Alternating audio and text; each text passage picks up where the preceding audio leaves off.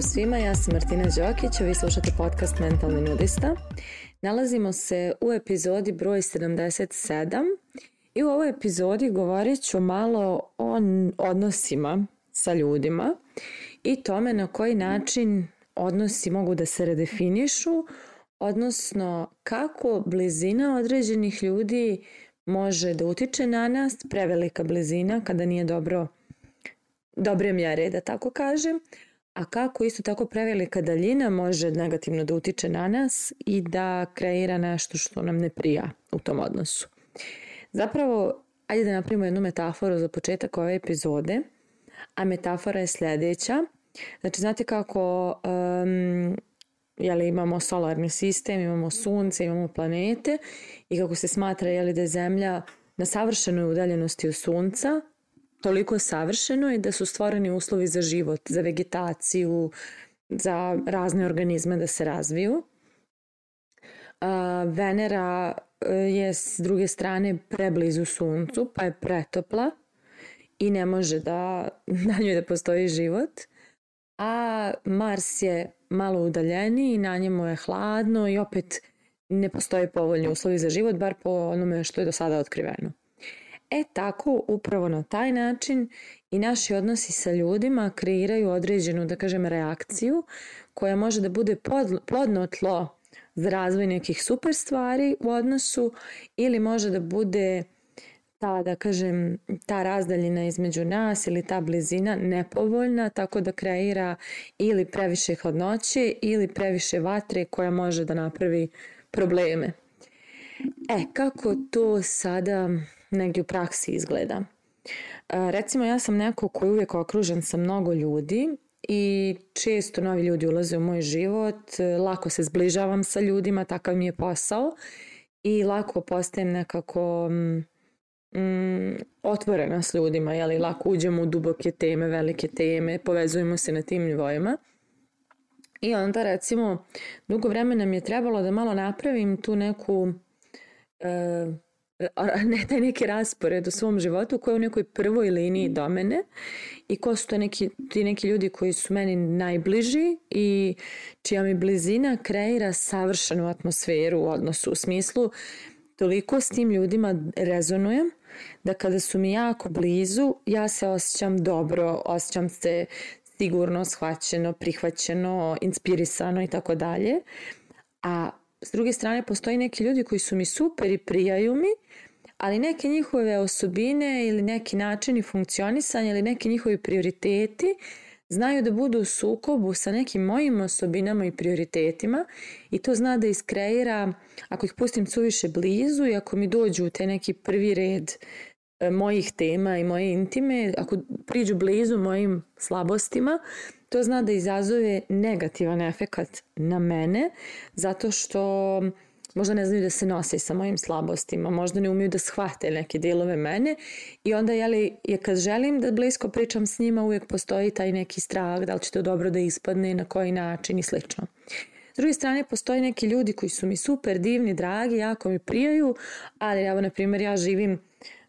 mislim živim na jednom mjestu, ali jako cirkulišem između tri države jer su sve tri države na mjesta gdje sam živjela i gdje radim. I onda se dešava da na nekom od tih, na nekoj od tih lokacija postoje ljudi koji mi jako prijaju i čiju blizinu obožavam, ali kako smo fizički daleko, ja nekako možda ne održavam dovoljno taj odnos, odnosno ne, ne ulažem dovoljno vremena i onda mi njihova daljina zapravo kreira neku vrstu negativnog efekta, odnosno da kažem, nedostaju u nekim segmentima života, nedostaje mi baš njihova neka vrsta podrške, a ne sjetim se da ih uključim u neke teme. E, upravo tako je sa svim nekim raznoraznim odnosima. Postoji neko savršeno mjesto za svaku osobu u našem životu. Međutim, dešava se da mi tu konstelaciju ne složimo dobro i da nam onda neki ljudi koji možda nisu e, usklađeni sa našim energijama, svojom energijom ozrače naš prostor, nama važan prostor i to dovede do toga da imamo česte sukobe, da se često osjećamo loše zbog nekih situacija s tim ljudima, da nas to trigeruje mnogo i tako dalje. I recimo to se zna dešavati kada, ne znam, na poslu um, previše se zbližimo sa nekim ko nam je, ne znam, nadređeni, na primjer, I onda kada dođe te zbrke u funkcijama, odnosno u tome šta od ko od koga očekuje, ali ne kao prijatelj, nego šef i zaposleni i slično, dolazi do toga da ta vrsta zra, navodnike zračenja kreira mnogo stresa i mnogo nepovoljnih emocija. E, može se desiti da recimo u prijateljstvima prosto mi se mijenjamo iz dana u dan. Vi koji slušate ovaj podcast sigurno ste u nekoj od tema ličnog razvoja, što znači da tu i tamo je li dešava neka transformacija u vama. Onda se zna desiti da neki ljudi s kojima smo proveli mnogo godina i mnogo života um, nisu, nisu više usklađeni s tim našim nekim novim frekvencijama i, i promjenama i pogledima i vrijednostima i prioritetima. Ali ako ih stalno držimo jako blizu, um, taj, taj novi raskorak koji postoji između nas često zna da kreira trzavice, ne, preispitivanja, trigere i koja šta i onda se mi e, osjećamo loše u tom odnosu. A cijela poenta je da ga redefinišemo, odnosno samo da tu osobu stavimo na pravo mjesto u svom životu i počnemo, sad ću tako da se izrazim, da je doziramo na pravi način. Znači možda to više neće biti osoba s kojom ćemo da provodimo svaki dan, jer ako provodimo i suviše vremena zajedno, dolazimo do tema koje nam jako otežavaju komunikaciju i ne uspjevamo tu da se uskladimo, da to prosto napravimo neku adekvatnu mjeru te osobe. Napravimo joj adekvatno mjesto u svom vremenu, životu, napravimo adekvatnu mjeru tema o kojima ćemo da pričamo sa tojom osobom, a da taj odnos bude um, da kažem, ispunjavajući za oboje. Isto se dešava kada, na primjer, to stavimo nekog u prvi red blizu sebe, a on nas često dovodi do toga da preispitujemo svoje odluke i da sumnjamo u sebe, zato što prosto vjerovanja te osobe ili strahovi te osobe se mnogo reflektuju na nas i onda baš zato što s tom osobom Smjestili smo na mjesto u životu gdje ćemo da dijelimo mnogo tema s njom i mnogo intimnih i važnih stvari. Dešava se da efekat takvog odnosa ne bude dobar. Tako da, evo, kroz sve ove neke stvari koje pričam, poenta je vrlo jednostavna. Svaka osoba u našem životu ima idealno mjesto na koje kada podesimo taj odnos, on može da bude podržavajući, dobar, kvalitetan. Ukoliko e, neki odnos nije dobar, kvalitetan i ima mnogo izazova, ne mora da znači da je ta osoba pogrešna i da mi s njom ono, treba prekinemo svaki odnos, ali može da znači da samo treba da malo redefinišemo mjeru tog odnosa, odnosno teme,